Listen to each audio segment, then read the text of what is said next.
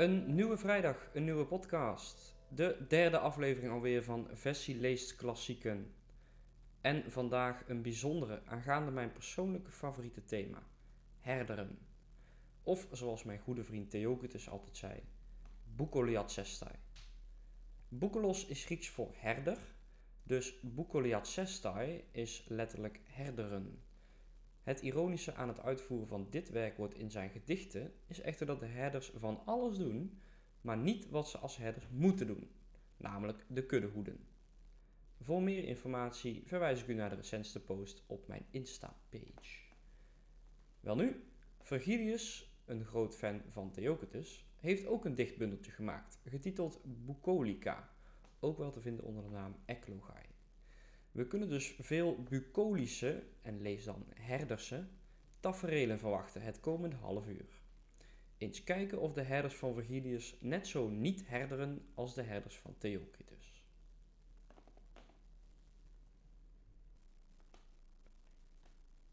Het eerste gedichtje, laten we het Bucolicum primum noemen, laat twee herders aan het woord, Meliboeus en Tityrus.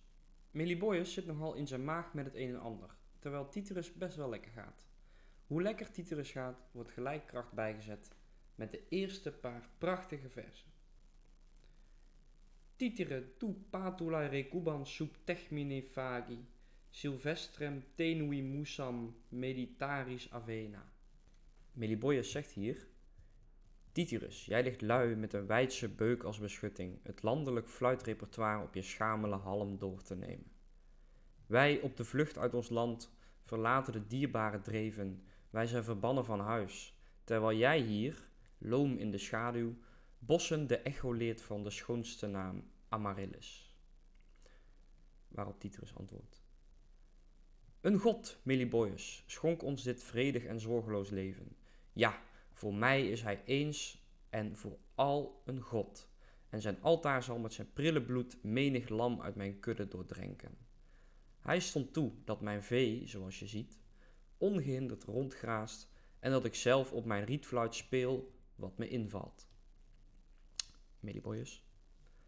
Heus, ik ben niet jaloers, maar wel verbaasd, want alom heerst chaos in akkers en velden. Kijk hoe ik zelf hier mijn geiten triest voor me uitdrijf en deze zelfs nauwelijks, Tityrus, meekrijg. Tussen die hazelaarsdagen op de kale rotsbodem, net nog, wierp ze een tweeling de hoop van de kudde, maar liet die daar achter. Dikkels, ik weet het nog goed, wat waren we toen toch onnozel, sloeg het vuur uit de hemel zo'n onheil, spellend in eiken. Tja, maar die god van jou, Tityrus, zeg eens, wie is dat? Waarop Tityrus antwoordt. Ik had altijd gedacht, nogal stom, dat de stad genaamd Rome lijkt op die plaats hier bij ons, waar oude gewoonte wij herders vaak, als de kudde gejongd heeft, met prille lammetjes heen gaan. Zo lijken pups ook op honden en bokjes toch al op hun moeder, wist ik, en vond dus gewoonlijk klein met groot vergelijkbaar. Deze stad evenwel torent zo hoog uit boven andere, als ver boven de tanige sneeuwbal de steile cipressen. Meliboyus.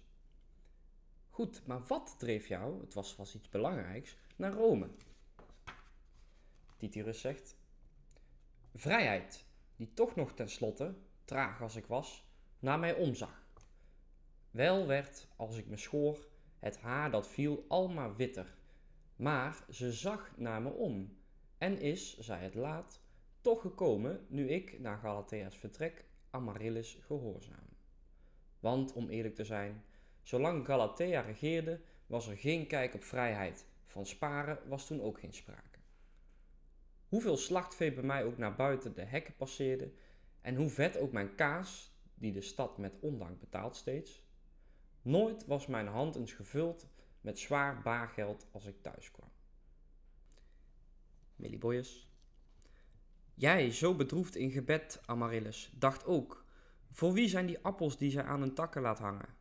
Tityrus, die was er niet.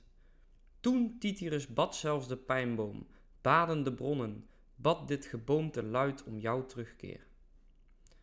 Tityrus. Wat moest ik doen? Kwam ik anders ooit van mijn slavenbestaan af?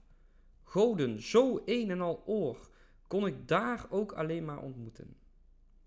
Wel, daar zag ik dan ook, Meliboyus, de jongen voor wie tot twaalf maal toe per jaar mijn altaren voorgoed blijven roken. Hij gaf prompt, toen ik mijn verzoek tot hem richtte, het woord. Blijf, jongens, weiden die koeien. Ga door met het fokken van stieren. Meliboyus zegt.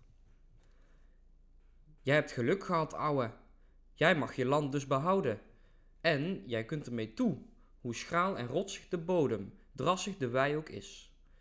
Moerasriet dat overal oprukt. Geen moederdier loopt gevaar door voer waar het niet aan gewend is. Nog zal belendend vee met zijn ziekten het jouwe besmetten. Jij hebt geluk gehad, ouwe. Hier aan vertrouwde riviertjes, heilige bronnen rondom. Zoek je uit waar de schaduw het koelste is. Net als eerst zal de heg langs het grenspad hier met je buurman, wilgebloesem waaraan zich Hybleïsche bijen te goed doen, dikwijls met zacht gezoem je noden de slaap te aanvaarden. Hier zal de snoeier, beschut door een rots, zijn gezang laten schallen. Ook zal jouw favoriet, de koerende houtduif, niet zwijgen. Nooit houdt de dochterduif op met kirren hoog in de olmen.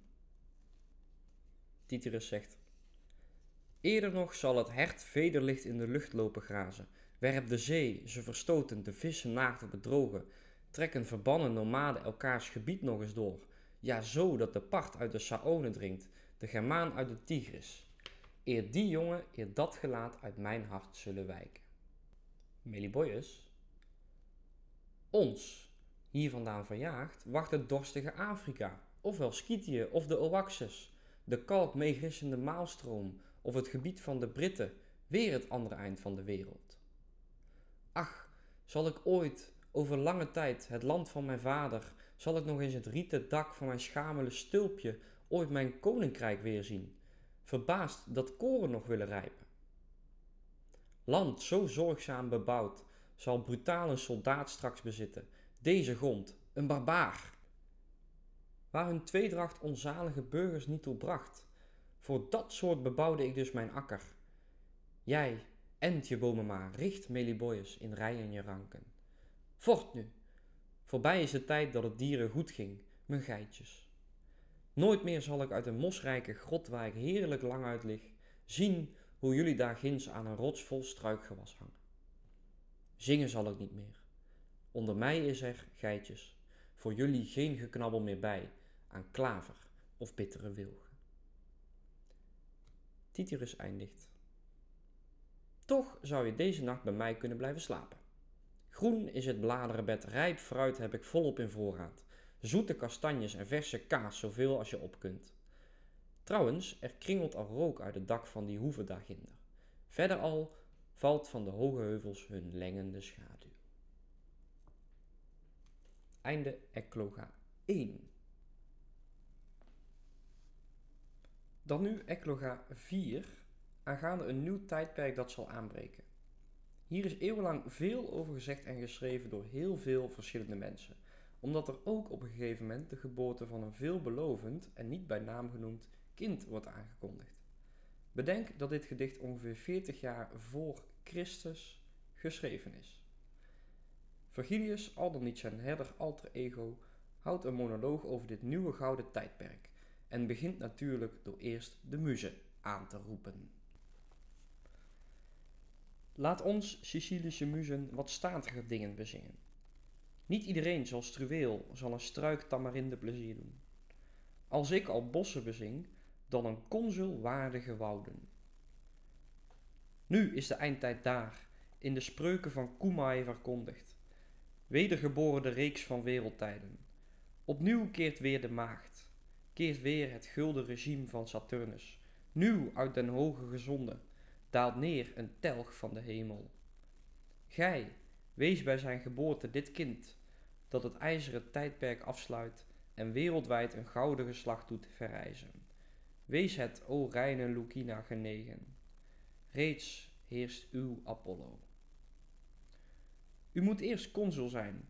Onder u gaat dit roemrijke tijdperk, Pollio, in. Neemt de stoet van grote maanden een aanvang. Uw bewind zal elk spoor dat nog rest van wat wij ooit misdeden delgen, en zo het land van angst die maar voortduurt verlossen. Het kind zal een godenbestaan ontvangen, met eigen ogen helden zien, onder goden verkerend, bij hen ook gezien zijn. Wereldheerser en vredevorst zijn naar het beeld zijner vaderen. Jongen, voor jou zal alom als eerstelingsgaven de aarde, zonder mensenhand, valeriaan met klimoprang vervlechten, waterroos laten bloeien, vrolijk vereend met akanthus. Dan komen geiten geheel uit zichzelf naar huis, met hun uiers perstens vol, zal de os voor de machtige leeuw niet meer bang zijn. Bloeien zal uit zichzelf ook je wieg, een weelde van bloemen. Dan is het dra met de slang, met gemene giftige kruiden dra ook gedaan, doch alom kiemt het zaad van Assyrische balsem. Maar kun je zelf eenmaal lezen van roemrijke heldenprestaties en over die van je vader en inzien wat heldendom inhoudt, dan wordt allengs het veld zachtgeel van de wuivende aren, hangt aan de wilde brem het rood van druiven te prijken, zal, als van dauw, de harde eikenstam druipen van honing. Toch zullen enige sporen uit kwadere tijden resteren. Moet men nog steeds zich met schepen aan Thetis vergrijpen, met muren steden omringen, en voren diep nog openrijten de aarde. Weer zal er dan een tyfus zijn, die een argo bestuurt met het puik van de helden aan boord. Ja, weer zullen oorlogen woeden, weer wordt ten strijde naar Troje gestuurd een grote Achilles. Maar zodra je in de kracht van je jaren een man bent geworden, trekt uit zichzelf, wie eerst zeekoos, zich terug. Het zeewaardige pijnhout staakt dan het handelsverkeer. Aan niets laat het land het ontbreken. Niet zal de grond het houweel, zal de rank het mes hoeven duchten. Dan zal de krachtige ploeger de os van zijn jukpas bevrijden. Niet meer hoeft dan de wol te leren zijn kleuren te liegen. Zelfs zal de ram in de wei zijn vacht in het lieflijke purper drenken en dan weer vanzelf met safraan lopen pronken. Net zo, terwijl het nog graast, wordt het lam gehuld in scharlaken. Spoel van zulke tijden de draden, zeiden de parken tot hun klossen. Het onvermurbare lot maakt hun spinnen eendrachtig. Treed, want de tijd is daar, nu aan voor je prachtige loopbaan. Dierbare goden spruit, o Jupiter sierend pronkstuk. Zie hoe het machtig gewelfde heelal reeds siddert en wankelt, landen en wijde zeeën en pijloze verten des hemels. Zie hoe alles zich juichend verheugt op de Aion die nadert. Mij mogen hoogbejaard al een deel van leven nog resten. Resten mij adem genoeg om wat jij gaat doen te bezingen. Mogelijk doet dan mijn lied zelfs voor Orpheus, voor Linus niet onder. Ook al worden zij beide door een van hun ouders geholpen, Orpheus door Calliopeia en Linus maar liefst door Apollo. Pan zelfs zou het Arcadia zijn die ons pleit zou beslechten. Pan zelfs gaf zich meteen na Arcadius uitspraak gewonnen. Nu even een klein intermezzo. De Latijnse zin die ik zo ga uitspreken en daarna natuurlijk ook in vertaling voorlees, staat vaak op geboortekaartjes. Dus onthoud het. Incipe parve puer, risu cognoscere matrem. Toe, het is hoog tijd, mijn kind. Herken met een lach nu je moeder. Lang is je moeder het tiental maanden, te lang haast, gevallen. Toe, het is hoog tijd, mijn kind. Wie zijn moeder niet toe heeft gelachen, die heeft geen God aan zijn dis, geen godin genoot in haar sponde. Einde Ecloga 4. Ter afsluiting Ecloga 7. Een echt theocritisch herderdicht waarin twee herders in een zangcompetitie belanden. Deze zangcompetities zijn een soort punchline battle raps avant la lettre, waarin de herders in dichtvorm op elkaar moeten reageren. Cruciaal is dat men steeds inhoudelijk ingaat op hetgeen de tegenspeler juist gezegd heeft, dit te overtreffen en tegelijkertijd ook een nieuw klein thema aan te snijden, zodat de rap battle door kan gaan. In dit gedicht vertelt Meliboeus over zo'n wedstrijd, waarin een zekere Corydon en Thersias om de eer strijden. En net als in Idylle 5 van Theocritus, wint uiteindelijk de charmantste herder, die het niet zo platvloers houdt als zijn tegenspeler. Zet die beat me aan. Yo, yo, yo. Boyers zegt. Onder een ruisende eik waar Daphnis al zat, had ook Tirsis en Corydon ook zojuist zijn kuddes bijeengedreven. Tirsis zijn schapen en Corydon zijn geiten, de uiers haast barstend. Beide volop in de bloei van hun jaren, Arcadiërs beiden, klaarom gewaagd aan elkaar, met elkaar zich in beurtzang te meten. Hierheen, ik pakte de kwetsbare Mirte juist in tegen nachtvorst, had zich de vrouwen verlatend mijn bok verlopen. Daar zie ik Daphnis en hij mij ook. Hier, roept hij, snel, Minnie hier moet je zijn. Je dier is terecht en met hem de bokjes. Jij, als het even kan leiden, rust dan wat uit in de schaduw. Zelf komen hier de stieren wel heen door de wei om te drinken. Hier heeft met riet de minkio als met zachtgroene zomen zijn bedding afgebiest, klinkt uit de heilige eik het zoemen van zwermen. Wat moest ik doen? Want ik had geen pilles en ook geen alkippen. Niemand hield bij mij thuis de gespeende lammeren binnen. Anderzijds, Corydon tegen Tirsis, dat was een belangrijke wedstrijd. Het slot van die tweestrijd was dat hun spel het won van mijn plichten. Dus maakten beiden zich op tot een beurtzang, een wedstrijd in verzen. Beurtzang, dat is wat de muze het liefst van alles zich heugen. Corydon zong het eerst. De beurt daarna was aan Tirsis. Dus nu uit de mond Corydon. Nymfen, lust en mijn leven, gun uit de helikon mij nu net zo in lied als Codrus ontving. Met de verzen die hij maakt, neemt hij het op tegen Phoebus. Maar als dat niet ieder van ons lukt, dan hangt mijn heldere fluit binnenkort in die heilige pijnboom. Tirsus. Herders, tooi in Arcadische trant, een aankomend dichter zo met klimop, dat van afgunst Codrus zijn ballen voelt barsten. Of, als die mij juist mateloos prijst, bekrans me met nardus.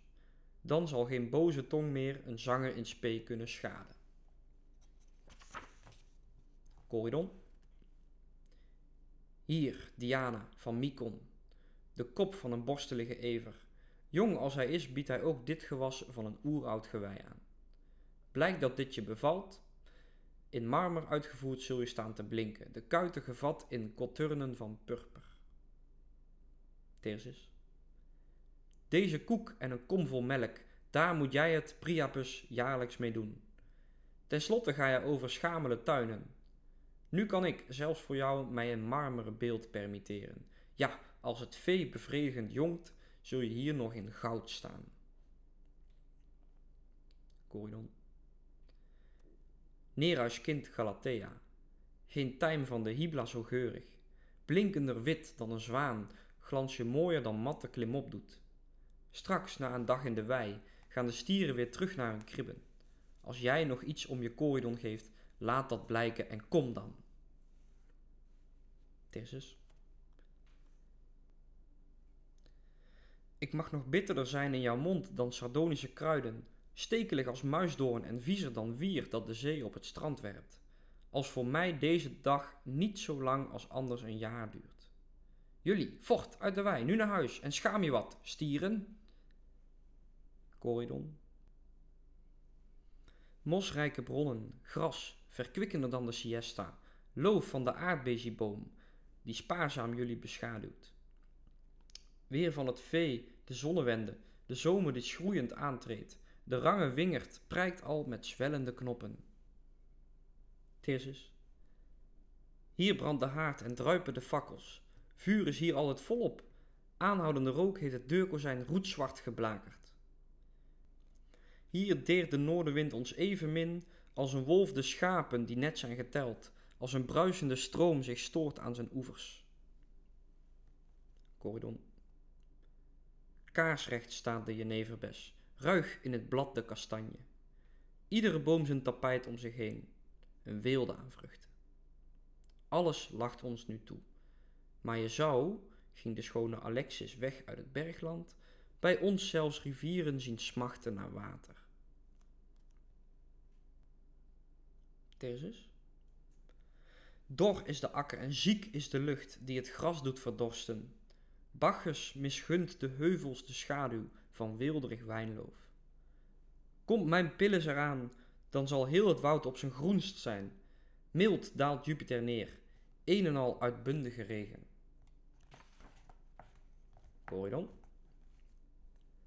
Hercules zijn populieren het liefst, zoals Bacchus de wijnstok. Myrte is Venus het dierbaarst, Apollo zijn eigen laurierboom. Phyllis is weg van de hazelaar. Blijft Phyllis daar weg van, dan slaat de Myrte die net zo min als Apollo's laurierboom. Thesis. Bossen pronken het liefst met de S, een tuin met de pijnboom. Hoog op de berg prijkt de den, langs de waterkant populieren. Maar kwam jij, mooie Likidas, mij eens wat vaker bezoeken, dan won geen bos met zijn essen van jou, geen tuin met zijn pijnboom. Nu sluit Meliboeus deze herinnering af aan deze wedstrijd, die blijkbaar is geëindigd. Dit bleef me bij, en ook dat Tirsus verloor, dat zijn inzet vergeefs was. Corydon is sindsdien waarop wij nu met Corydon doelen. Ja, dat was Ecloga 7. Een tamelijk abrupt einde. En mocht je nu denken van, hmm, waarom heeft Tirsus nou ineens verloren? Wat heeft hij verkeerd gezegd? Nou, je bent niet de enige, want zelfs de hoogheren wetenschappers zijn er na eeuwen discussie nog niet uit wat Tirsus nou verkeerd heeft. Uh, dit gedicht is tevens het einde van deze aflevering. Ik hoop dat je ervan genoten hebt. Of dat je lekker in slaap bent gevallen in je wollen herdersjas in de schaduw van een ruisende eik, terwijl je je geitjes bent vergeten. Het zij jou vergeven. Doei doei.